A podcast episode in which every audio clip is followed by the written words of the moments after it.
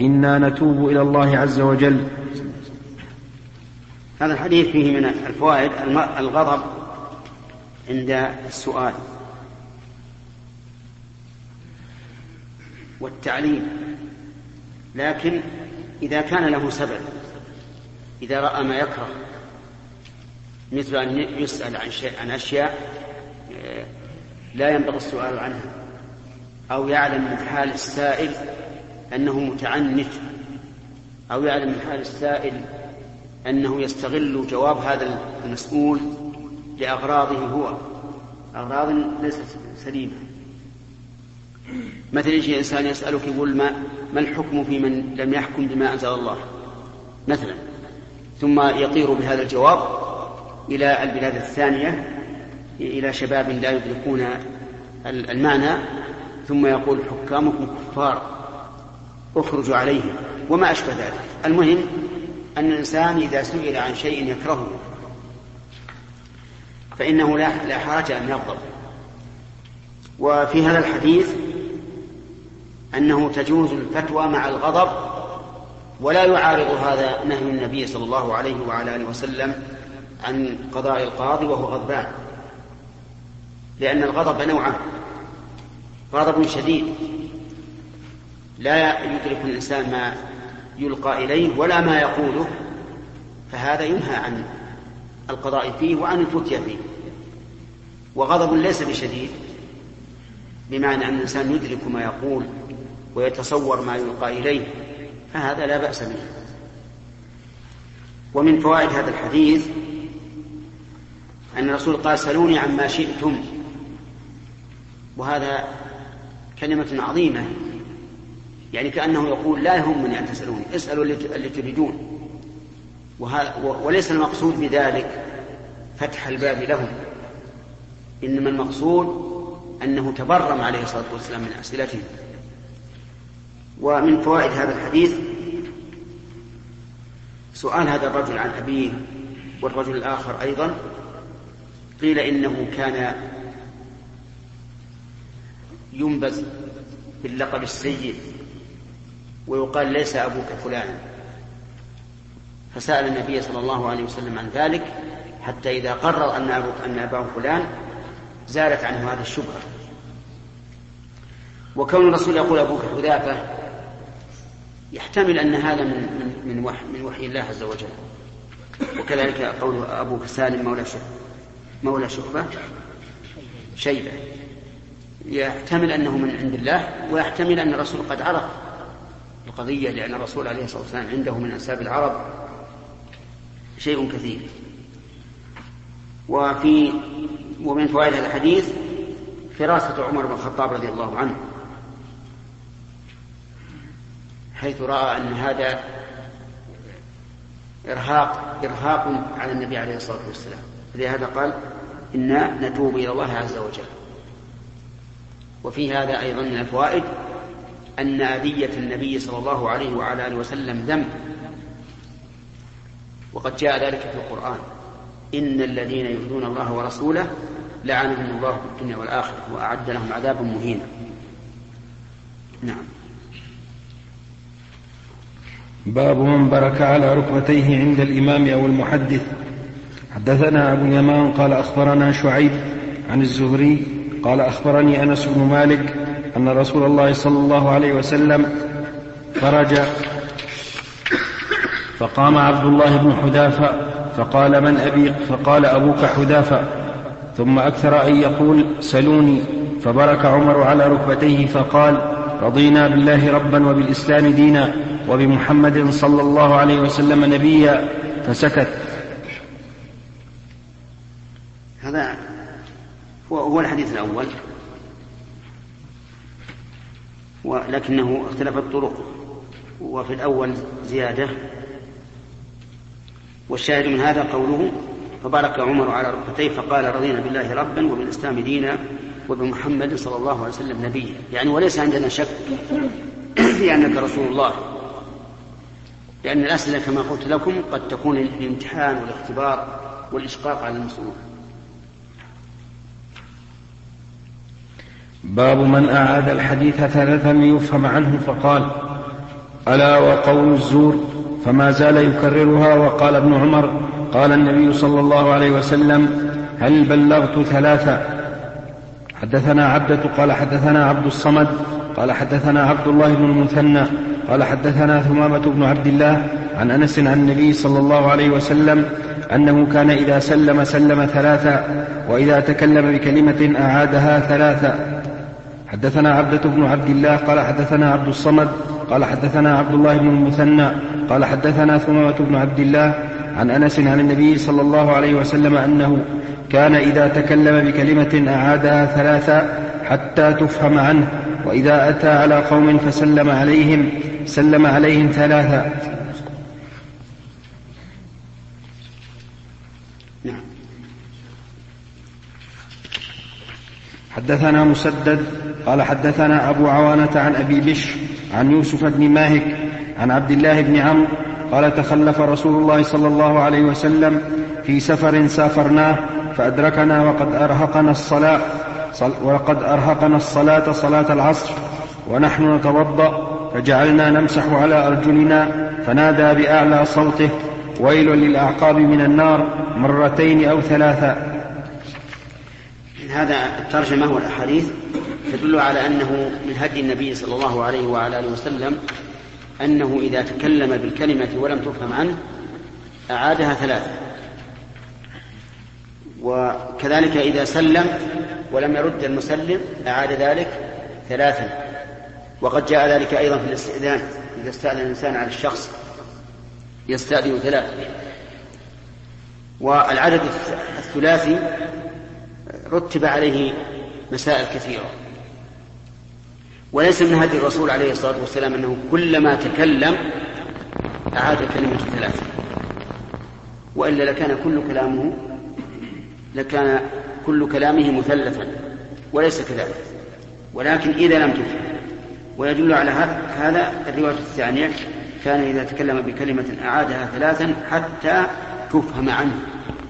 طيب وإذا كان المتكلم متعلما ولم يفهم بالثلاث فهل نعيد؟ نعم. نعم نعيد. ما دمنا نفهمه نعيد. لكن إذا كنا نتكلم كلاما عاما وخشينا أن لا يفهم بعض الحاضرين ما نقول فإن نعيده مرة ومرتين. ويكرر الكلام أيضا إذا كان له أهمية. ويقصد منه التأكيد. كما كرر النبي عليه الصلاة والسلام قوله ألا هل بلغت ثلاث مرات لأهمية هذا الأمر ومن ولتوكيد شهادة الأمة بأنه بلغ عليه الصلاة والسلام. فصار التكرار الآن. إذا كان لم يفهم المخاطب وإذا كان الأمر له أهمية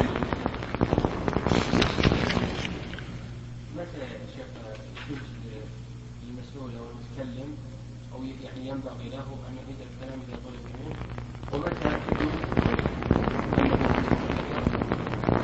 ومتى طلب منه؟ وعلمنا أن الطالب لم يفهم حقيقة. نكرر عليه حتى يفهم. حتى هذا يرجع إلى يرجع للمعلم إذا كانت المسألة في مقام التعليم. قد يقول من المصلحة أن لا أجيبه تعزيرا له. حتى لا يتلاعب. يبدأ يسرح ولم رجع من سرحه؟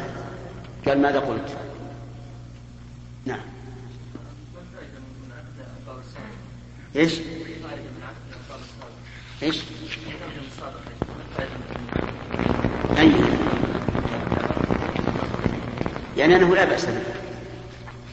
غرض إن هذا لا ليس ليس سوء, سوء آدب نعم. شيخ بارك الله فيك. تمر علينا أحاديث كثيرة ونجد أنها مختلفة الألفاظ وقد تختلف بعض بعضها في المعنى يعني. فهل هذا لتعدد الروايات أم هو لجواز الرواية بالمعنى؟ يعني؟ هذا هذا الثاني. كل الأحاديث يعني غالبها تروى بالمعنى. تروى بالمعنى وقد قال بعض بعض بعض المحدثين بعض الرواة يقول لو كان لو كنا لا يجوز لنا أن نروي بالمعنى يعني ما ما, ما روينا ولا حديث واحد وهذا واضح في في سياقات الأحاديث. نعم. باب تعليم الرجل أمته وأهله. أخبرنا محمد هو ابن سلام. قال حدثنا المحاربي. قال حدثنا صالح بن حيان. قال قال عامر الشعبي.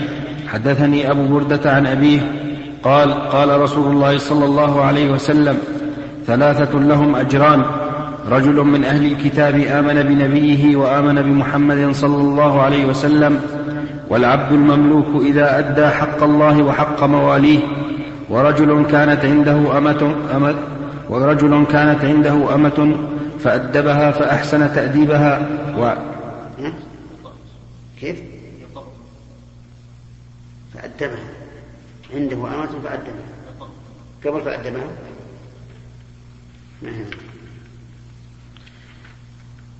فأحسن تأديبها وعلمها فأحسن تعليمها ثم أعتقها فتزوجها فله أجران. ثم قال عامر أعطيناكها بغير شيء قد كان يركب فيما دونها إلى المدينة. نعم هذا فيه دليل على ما ترجم له المؤلف. وهو أن الإنسان ينبغي له أن يعلم أهله وأن يؤدبه. يجمع بين الأمرين بين بين العلم والتربية. فيكون له إذا كانت على الصورة التي ذكرها النبي عليه الصلاة والسلام يكون له أجران.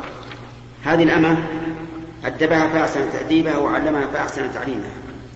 ثم أعتقها فتزوجها. يعني لم يتسرها لم يتسرها بل أعتقها حتى تحررت من الرق ثم رفع شأنها بأن تزوج بها. وتصوروا لو كان هذا السيد أعتق أمته ثم أعلن ذلك ودعا المأذون الشرعي فعقد له النكاح واشتهر هذا بين الناس فسوف يكون ذلك رفعة لهذه الأمة. فيكون له أجران أجر سابق على العتق وأجر لاحق كذلك الذي آمن بنبيه وآمن بمحمد. مثل النجاشي وعبد الله بن سلام. عبد الله بن سلام من اليهود والنجاشي من من النصارى. هؤلاء أيضا لهم أجران. الأجر الأول الإيمان بنبيه والثاني الإيمان بمحمد صلى الله عليه وآله وسلم. والثالث المملوك. يؤدي حق الله وحق مواليه. فيكون قام بحقين فله فله أجران.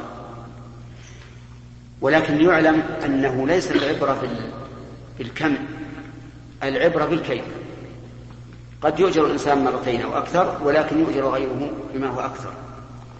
كما في قصة الرجلين اللذين سافرا بعثهم النبي صلى الله عليه وسلم فلم يجد فحانت الصلاة ولم يجد الماء فتيمم ثم وجد الماء. فأما أحدهما فتوضأ وأعاد الصلاة. وأما الثاني فلم يعد الصلاة فقال النبي صلى الله عليه وعلى آله وسلم للذي توضأ وأعاد الصلاة لك الأجر مرتين. وقال للثاني أصبت السنة.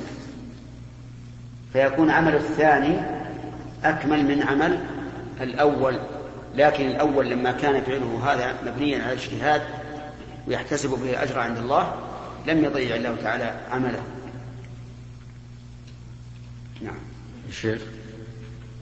زكي. هذا عموما أو هناك نوع من لا لا بشروط بشروط سلم لا بد من شروط. العلماء في المصطلح ذكروا شروطا. أن لا يكون من الأشياء التي يتعبد بها كألفاظ الذكر مثلا؟ وأن يكون الراوي عنده علم. باختلاف الألفاظ وأن لا يقدم جملة على أخرى. إذا كان إذا كان الحديث سياقه يقتضي الترتيب وما أشبه ذلك. لا بد من شروط محجوب.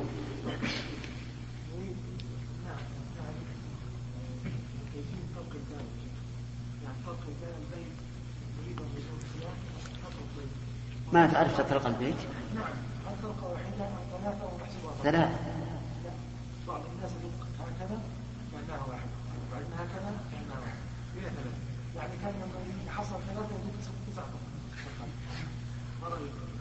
يعني أن تريد أن تكون كل كل دقة منفصلة عن الثانية.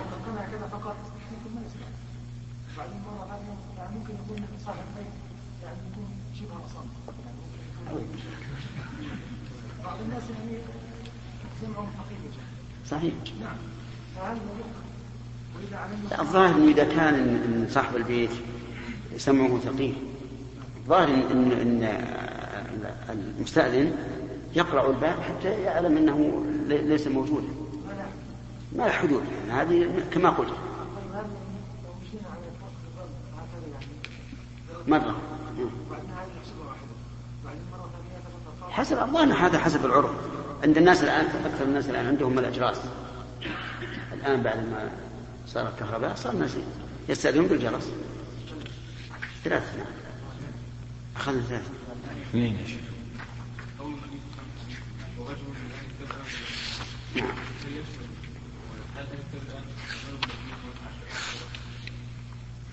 ما أظن هذا.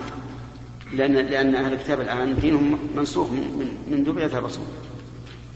وإن كان ظاهر اللفظ العموم اللهم إلا إذا كان الرجل الذي من أهل الكتاب لم يعلم ببعثة الرسول عليه الصلاة والسلام فلما علم بادر إلى الإيمان فهذا يدخل في الحديث. باب عظة الإمام النساء وتعليمهن. حدثنا سليمان بن حرب قال حدثنا شعبة عن أيوب قال سمعت عطاء قال سمعت ابن عباس قال أشهد على النبي صلى الله عليه وسلم أو قال عطاء أشهد على ابن عباس أن رسول الله صلى الله عليه وسلم خرج ومعه بلال فظن أنه لم يسمع. فوعظهن وأمرهن بالصدقة فجعلت, فجعلت المرأة تلقي القرط والخاتم وبلال يأخذ في طرف, في طرف ثوبه وقال إسماعيل عن أيوب عن عطاء وقال عن ابن عباس أشهد على النبي صلى الله عليه وسلم. وهذا في صلاة العيد فإن الرسول صلى الله عليه وسلم خطب النساء خطب الرجال ثم نزل واتجه إلى النساء فوعظهن وذكرهن. وأمرهن بالصدقة فجعلت المرأة تلقي المرأة تلقي القرط والخاتم. وفي هذا دليل على جواز لباس الحلي الم- ال- المسور خلافا لما جاء في بعض الأحاديث من النهي عن ذلك. فالصواب أن الحلي المسور والمحلق لا بأس به. وما ورد من النهي عنه فقد قيل إنه منسوخ وقيل إنه محمول على ما إذا كان الناس فقراء وتسابقوا في هذا الحلي وأكثر وأكثر العلماء على أنه منسوخ وبعضهم قال إنه شاذ لمخالفة الأحاديث الصحيحة. ولهذا حكى بعض بعض العلماء الإجماع على جواز لبس الخاتم والسوار وما أشبه ذلك نعم شيخ الذي قال الرسول صلى الله عليه وسلم له لك اجرك مرتين تيمم معه نعم. جاهز اي نعم مجتهد ما علم ما علم بأن بأن السنة ألا ألا تعيد الوضوء.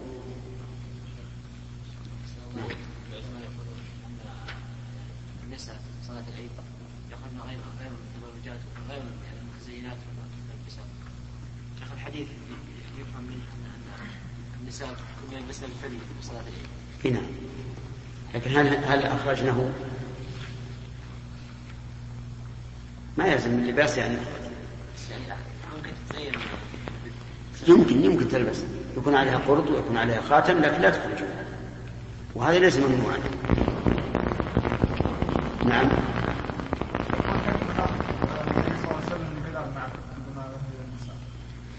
ما ندري. لا, الرسول أحيانا يختار بعض الصحابة وإن كان غيره أفضل منه. ومعروف أن بلال رضي الله عنه كان مؤذن رسول الله, صلى الله عليه وسلم. فلعله صادف ان أن وقع رأيه في تلك الساعة على هذا الرجل. نعم. باب الحرص على الحديث. حدثنا عبد العزيز بن عبد الله قال حدثني سليمان عن عمرو بن أبي عمرو عن سعيد بن أبي سعيد المقبري عن أبي هريرة أنه قال قيل يا رسول الله من أسعد الناس بشفاعتك يوم القيامة؟ قال رسول الله صلى الله عليه وسلم لقد ظننت يا أبا هريرة أن لا يسألني عن هذا الحديث أحد أول منك لما رأيت من حرصك على الحديث. أحد أول بالرفع نعم أحسن. أعيدها شيخ نعم. لقد ظننت يا أبا هريرة أن لا يسألني عن هذا الحديث أحد أول منك لما رأيت من حرصك على الحديث. أسعد الناس بشفاعتي يوم القيامة. من قال لا إله إلا الله خالصا من قلبه أو نفسه. يعني شك هل قال من قلبه أو نفسه. ومطابقة حديث الترجمة ظاهرة. فإن أبا هريرة رضي الله عنه من أحرص الناس على حديث رسول الله صلى الله عليه وعلى آله وسلم. ولهذا روى الأحاديث الكثيرة عن الرسول عليه الصلاة والسلام مع تأخر الإسلام. لأنه كان يلازمه. ويأخذ عنه. ولا يقال إن الحرص على الحديث كالحرص على المال. الحرص على المال لا ينبغي لكن الحرص على الحديث أمر محمود يحمد عليه الإنسان لما في ذلك من العلم. وفي الحديث الذي قبله جعل المرأة تلقي القرط دليل على أن المرأة ليست ليست محجورا عليها وأن لها أن تتصدق بما شاءت من مالها. سواء علم بذلك الزوج أم لم يعلم وهذا القول هو الراجح. نعم. إذا قلنا أنه لا يجوز. غالب الذهب محمد نعم. فالذهب الذي يجوز على قول الآن هو الصعب المحلق هو يعني قطع مقطع. محلق كل مدور كيف يلبس إذا إذا لم لا في في مثلا يحطون يحطون محلق لا هذا المحلق هو الخيط. المحلق المدور. السوار كالسوار والخاتم. أما أما الخرس مثلا ما هو مهم محلق. أو مثلا القلادة. لا لا لا, لا يوجد حلق. تكون الحلقة من غير الذهب. نعم. النبي صلى الله عليه وسلم هلكت استمر ثلاثة مرتين. نعم. يدل على أن البصراني إذا كان الدين محرف وأسلم يدخل الحديث اي نعم. إذا الحديث عام. لكن سؤال ال- الأخ أما ال- اللي يسلم الآن يعني بعد أن علم أن الرسول حق ولكنه لم كفر بمحمد ثم أسلم هل يعطى أجره مرتين؟ نقول لا يظهر هذا لأنه لأنه بقي على دين لا يحل له البقاء عليه. نعم لو كان مثلا في أرض بعيدة لا يعرف عن الإسلام شيئا فلما علم بالإسلام أسلم فهذا يدخل في الحديث. نعم. في بعض البلاد الإسلامية يدرس رجل فصل من النساء حجة أنه لا لا يدرس لهذه المادة من النساء مع العلم أنه يدرس من غير حجاب. يعني من غير حجاب بينه وبين النساء. نعم. فهل هذا سائر؟ سائر إذا لم يكن في ذلك فتنة وكانت النساء متحجبات. غير كاشفات عن لا ما يجوز. يجب أن يأمرهن بأن يغطين وجوههن. ويستعملن النقاب من أجل أن ينظرن إلى ما يلقيه على السبورة مثلا أو ما أشبه ذلك. طيب إن تعذر ذلك ألا تلغى هذه المادة؟ أو يقال له هو للحاجة لا ما تعذر ما تعذر. ما أظن تتعذر ما تتعذر. شيخ عندنا النساء صعب ينتقل به طيب إذا كان صعبا يجعل حائل بسيط ما يرين ما لا لو غطى كرتون. بينه وبينه. ما هو مشكلة. نعم. باب كيف يقبض العلم. وكتب عمر بن عبد العزيز إلى أبي بكر بن حزم انظر ما كان من حديث رسول الله صلى الله عليه وسلم فاكتب فإني خفت دروس العلم وذهاب العلماء ولا تقبل إلا حديث النبي صلى الله عليه وسلم ولتفشوا العلم ولتجلسوا حتى يعلم من لا يعلم فإن العلم لا يهلك حتى حتى يكون سرا. حدثنا العلاء بن عبد الجبار قال حدثنا عبد العزيز بن مسلم عن عبد الله بن دينار بذلك يعني حديث عمر بن عبد العزيز إلى قوله ذهب العلماء. هذه كلمات جيدة من الخليفة عمر بن عبد العزيز رحمه الله. كتب إلى أبي بن حزم انظر ما كان من حديث رسول الله صلى الله عليه, صلى الله عليه وعلى آله وسلم فاكتب. وفي هذا الدنيا على جواز كتابة الحديث. وقد كان فيه خلاف قديم لكن بعد ذلك أجمعت الأمة على أنه لا بأس به بل قد يتعين وفي أيضا بيان الاعتماد على الكتابة لقول فإني خفت دروس العلم وذهاب العلماء. فإذا اندرس العلم وذهبت العلماء بقيت كتبهم. وهذا هو الواقع كيف نصل إلى علم العلماء السابقين إلا بقراءة كتبهم؟ وفي أيضا أن حرص عمر بن عزيز بن عبد العزيز رحمه الله على أن لا يخلط مع حديث الرسول صلى الله عليه وسلم غيره من الآثار حتى لا يشتبه المرفوع بما دونه لقوله ولا تكتب إلا حديث النبي صلى الله عليه وسلم. وفي أيضا حث أهل العلم على إفشاء العلم ونشره وأن يجلسوا للناس ويعلموهم حتى يتعلم من لا يعلم. فإن العلم لا يهلك حتى يكون سرا. وأحسن مكان يعلم فيه العلم هو إيش؟ المساجد. لأن أبوابها مفتوحة وهي واسعة تحمل الطلبة الكثيرين. والإنسان لو درس في بيت لا شك لا بأس به لكن كونه في المسجد أوسع وأنفع نعم. حدثنا إسماعيل بن أبي أويس قال حدثني مالك عن هشام بن عروة عن أبيه عن عبد الله بن عمرو بن العاص قال سمعت رسول الله صلى الله عليه وسلم يقول إن, إن الله لا يقبض العلم انتزاعا ينتزعه من العباد ولكن يقبض العلم بقبض العلماء.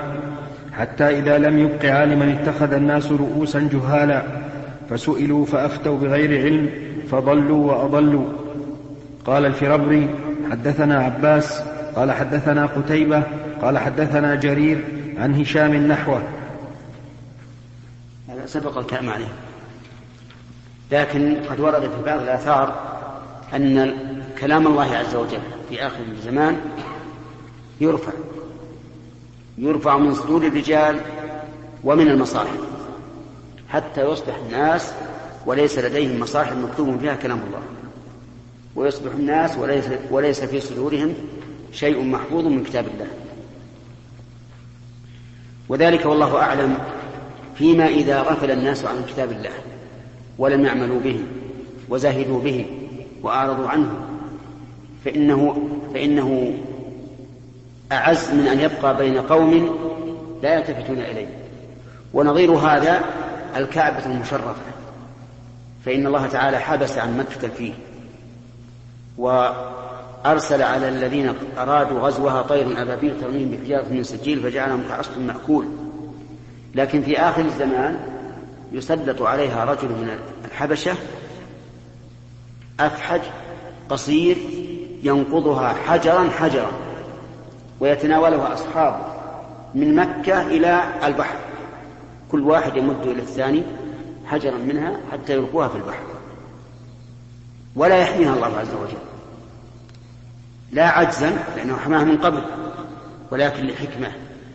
وهذا نفسره والله أعلم بما إذا امتهن أهل مكة هذه الكعبة المشرفة. وصاروا يبارزون الله تعالى بالعصيان في هذا المكان. المعظم الذي قال الله فيه ومن يرد فيه بإلحاد بظلم نذقه من عذاب أليم. فإذا امتهن الناس هذا البيت الحرام سلط عليه من ينقضه حجرا حجرا. أما في قصة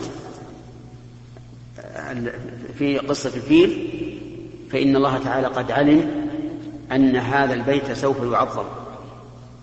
برسالة محمد صلى الله عليه وعلى آله وسلم.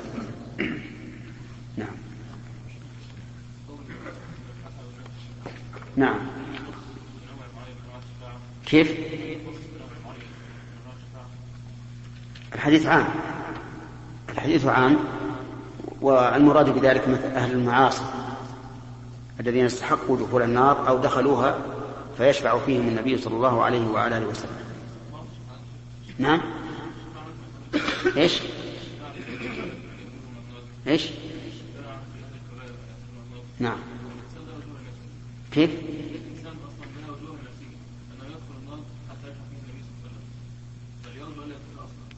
إيه ما في شك. لكن من أسعد الناس بهذه الشفاعة؟ التوحيد.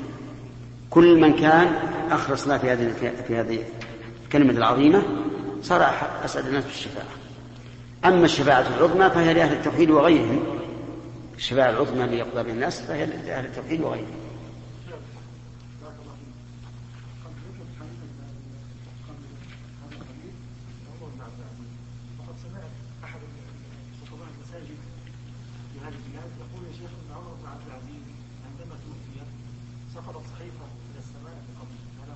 ما هو صحيح أبدا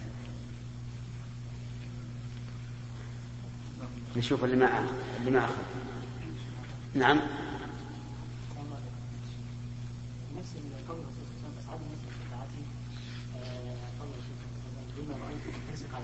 نعم. كيف؟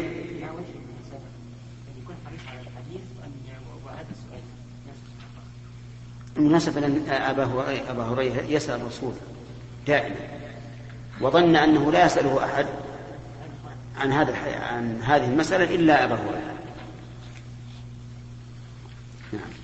باب هل يجعل للنساء يوم على حدة في العلم حدثنا آدم قال حدثنا شعبة قال حدثني ابن الأصبهاني قال سمعت أبا صالح ذكوان يحدث عن أبي سعيد الخدري قالت النساء للنبي صلى الله عليه وسلم غلبنا عليك الرجال فاجعل لنا يوما من نفسك فوعدهن يوما لقيهن فيه فوعظهن وأمرهن فكان فيما قال لهن ما منكن امرأة تقدم ثلاثة من ولدها إلا كان لها حجابا من النار. فقالت امرأة واثنين فقال واثنين.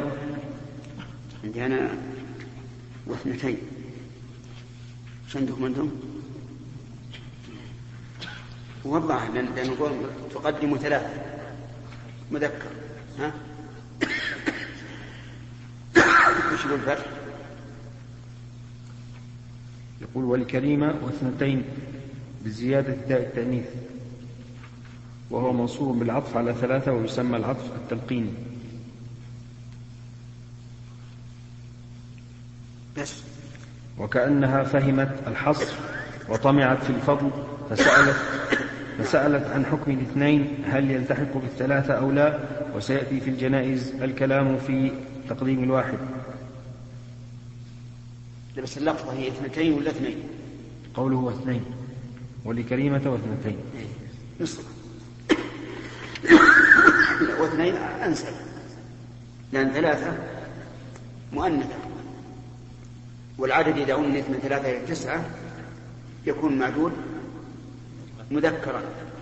تقول تسع نساء وتسعة رجال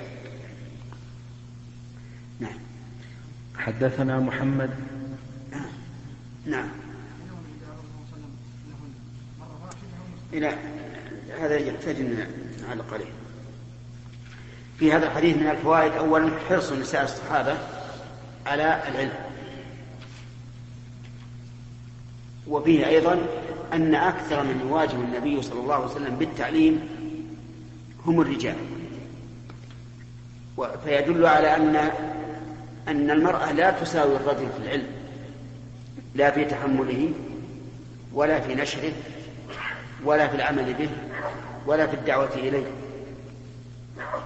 ومن فوائده أيضا أنه يجوز للعالم بل من السنة أن يتواضع إذا طلبه قوم أن يحضر إليهم فيعظهم. ومن ذلك ما ما هو حديث الساعة الآن المراكز التي تكون في هذه الإجازة يأتون إلى العلماء يطلبون منهم أن يخرجوا إليهم يتكلمون عندهم بما ينفع. فنقول إذا خرج الرجل إلى هؤلاء وعلمهم فله برسول الله صلى الله عليه وسلم أسوة حسنة. لأن النبي صلى الله عليه وسلم أجاب النساء فخرج إليهم. ومن فوائد هذا الحديث أن الأولاد الصغار يكونون حجابا من النار لآبائهم وذلك بما يحدث للآباء والأمهات من الصبر واحتساب الأجر.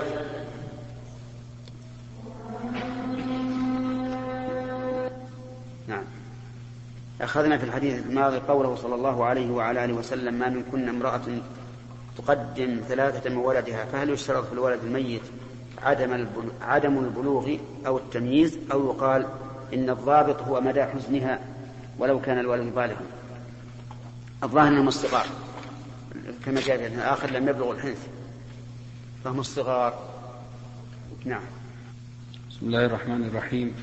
الحمد لله رب العالمين وصلى الله وسلم على نبينا محمد وعلى آله وصحبه. قال البخاري رحمه الله تعالى حدثنا محمد بن بشار قال حدثنا غندر قال حدثنا شعبة عن عبد الرحمن بن الأصبهاني عن ذكوان عن أبي سعيد الخدري عن النبي صلى الله عليه وسلم بهذا. وعن عبد الرحمن بن الأصبهاني قال سمعت أبا حازم عن أبي هريرة قال ثلاثة لم يبلغوا الحنث هذا سؤال. طاهر نعم. باب من سمع شيئا فراجع حتى يعرفه. حدثنا سعيد بن أبي مريم قال أخبرنا نافع بن عمر قال حدثني ابن أبي مليكة أن عائشة زوج النبي صلى الله عليه وسلم كانت لا تسمع شيئا لا تعرفه إلا راجعت فيه حتى تعرفه وأن النبي صلى الله عليه وسلم قال من حوسب عذب قالت عائشة فقلت أوليس يقول الله تعالى فسوف يحاسب حسابا يسيرا؟ قالت فقال إنما ذلك العرض ولكن من نوقش الحساب هل يهلك؟ اللهم نعم هذا من سمع شيئا فراجع حتى يعرفه هذا من حرص الإنسان. إذا حدث عن شيء ولم يعرفه أن يراجع. فيقول ماذا قلت؟ فإذا أعاد عليه اللفظ ولم يفهم المعنى قال ما معناه حتى يكون على بصيرة من القبول أو الرفض. أما بعض الناس يقول أستحي أن أقول ما سمعت. أو أستحي أن أقول ما معنى هذا وهذا خطأ. راجع حتى تعرف ثم استدل بهذا بحديث عائشة أن النبي صلى الله عليه وسلم قال من من من نوقش من حوسب عذب يعني من نوقش فأوردت عليه الآية. فأما من أوتي كتابه بيمينه فسوف يحاسب حسابا يسيرا. واحتجت عليه بقول الله. قالت أوليس الله يقول كذا وكذا. فأجاب النبي عليه الصلاة والسلام بأن المراد بالحساب العرض. المراد به العرض. وأما من حوسب ونوقش فإنه يهلك. لأن, لأن الله لو حسبنا لكانت نعمة واحدة تجتاح كل عمل عملناه. بل إن العمل الذي نعمله من الأعمال الصالحة نعمة يحتاج إلى شكر. إذا وفقك الله تعالى للإسلام أولا. ثم للأعمال الصالحة. فانظر من من ضل عن الإسلام وانظر من فسق عن أمر ربه تعرف أن هذا نعمة من الله عليك يحتاج إلى شكر. فلو ناقشنا الله عز وجل لهلكنا ولكنه يعرض علينا الأعمال يقول عملت كذا في يوم كذا ثم يقول سترتها عليك في الدنيا وأنا أغفرها لك اليوم. اللهم لك الحمد. ثم إنه في هذه الآية في هذا الحديث أولا جواز إيراد جواز إيراد الإشكال على المعلم. لا لقصد الرد عليه ولكن لقصد إزالة الشبهة. لأن نعلم علم اليقين أن عائشة لما قالت أوليس الله يقول لست ليست تريد أن ترد على النبي صلى الله عليه وعلى آله وسلم قوله لكن تريد أن تدفع الإشكال الذي حصل عندها في هذه الآية. وفيها أيضا إثبات أن قول الله تعالى حجة مقدم على السنة. لأن الرسول قال من حوسب عذب وهذا سنة من قول الرسول عليه الصلاة والسلام. فأوردت عليه الآية. ولهذا لو تعارض القرآن والسنة قدم القرآن. ولكن يجب أن نعلم أنه لا يمكن أن تعارض سنة صحيحة لكتاب الله عز وجل. على وجه لا يمكن الجمع بينهما. اللهم إلا أن يكون هناك نسخ. ومن فوائد الحديث إثبات القول لله عز وجل. وهذا شيء معلوم. بالقرآن والسنة والإجماع. وقال ربكم ادعوني أستجب لكم. قال الله هذا يوم ينفع الصادق صدقه. فالله تعالى يقول ويتكلم وكلامه مسموع بالآذان. وليس هو المعنى القائم بالنفس كما يقوله بعض أهل البدع. لأن المعنى القائم بالنفس لا يسمى كلاما أبدا ولا يسمى قولا وإنما هو علم. الشيء الذي في النفس هو علم وليس قول. وكيف يكون القائم يكون القول هو المعنى القائم بالنفس؟ والناس يسمعون ما قام بالنفس فإنه لا يسمع. وكما مر عليكم وتقرونه في كتاب الله محاورة الله سبحانه وتعالى مع أنبيائه وما تلك بيمينك يا موسى؟ قال هي عصاي أتوكأ عليها وأهش بها على غنمي ولي فيها مآرب أخرى. قال ألقها يا موسى فألقاها فإذا هي حية تسعى. قال خذها ولا تخف سنعيدها سيرتها الأولى. واضمم يدك إلى جناحك تأخذ بيضاء من غير سوء آية أخرى والآيات في هذا كثيرة. أن كلام الله قول يسمع. ولكن يجب أن نعلم أن أن صوت أن الصوت بهذا القول لا يشبه أصواتنا. وإلا فإننا نتكلم بصوت لكنه لا يشبه أصواتنا بل هو أعظم مما نتصور بقول الله تعالى ليس كمثله شيء وهو السميع البصير ولهذا إذا تكلم بالوحي ارتجفت السماء وصعقت الملائكة من عظمه. فليس كقولنا من حيث الوصف. وفي أي وفي هذا الحديث من الفوائد أنه قد يراد باللفظ ما يخالف ظاهره. فالحساب في الأصل مناقشة. تقول حاسبت الكاتب أو كاتب الضبط أو كاتب الديوان يعني ناقشته عن الداخل والخارج. لكن هنا فسره النبي عليه الصلاة والسلام هو بنفسه أن المراد بالحساب هو إيش؟ العرض. تعرض على الإنسان أعماله ثم يقر بها فيقول الله له قد سترتها عليك في الدنيا وأنا أغفرها لك اليوم. والشاهد من هذا أن الطالب ينبغي له إذا سمع من كلام أستاذه شيئا ولم يفهمه أن يقول ما معنى هذا؟ أو ماذا قلت؟ ولكن أيضا كما للطالب الحق أن يستفهم هذا الاستفهام فللمعلم الحق. إذا رأى الطالب سارحا إيش؟ أن يسأله. أما الطالب يسرح كل ما تكلم الأستاذ بكلمة قال وش قلت؟ نعم هذا ما صحيح. لكن إذا كان الإنسان قد يعني ركز على استماع كلام المعلم ثم لم يفهمه فليقل. ماذا تقول؟ أنا لم أفهم. هنا. نعم يعني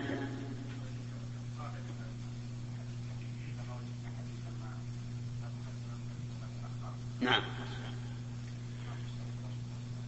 نعم. اي هذا هذا الرسول. اي معلوم. وأيضا ربما يأتي شيء بهذا المعنى لكن مو بهذا اللفظ. مثل قول الله تعالى لأهل بدر اعملوا ما شئتم فقد غفرت لكم. نعم. لا. المؤمن يلقي الله عليه كنفه يوم القيامة وستره ثم يخلو به ويقرره بذنوبه فإذا أقر قال قد سترها عليك الدنيا وأنا أغفرها لك اليوم. إيش؟ إيش؟ يعني الذي يناقشه الله يقول مثلا أنعمت عليك بكذا. فبماذا شكرت؟ أنعمت عليك بالمال فبماذا اكتسبته وما أشبه ذلك.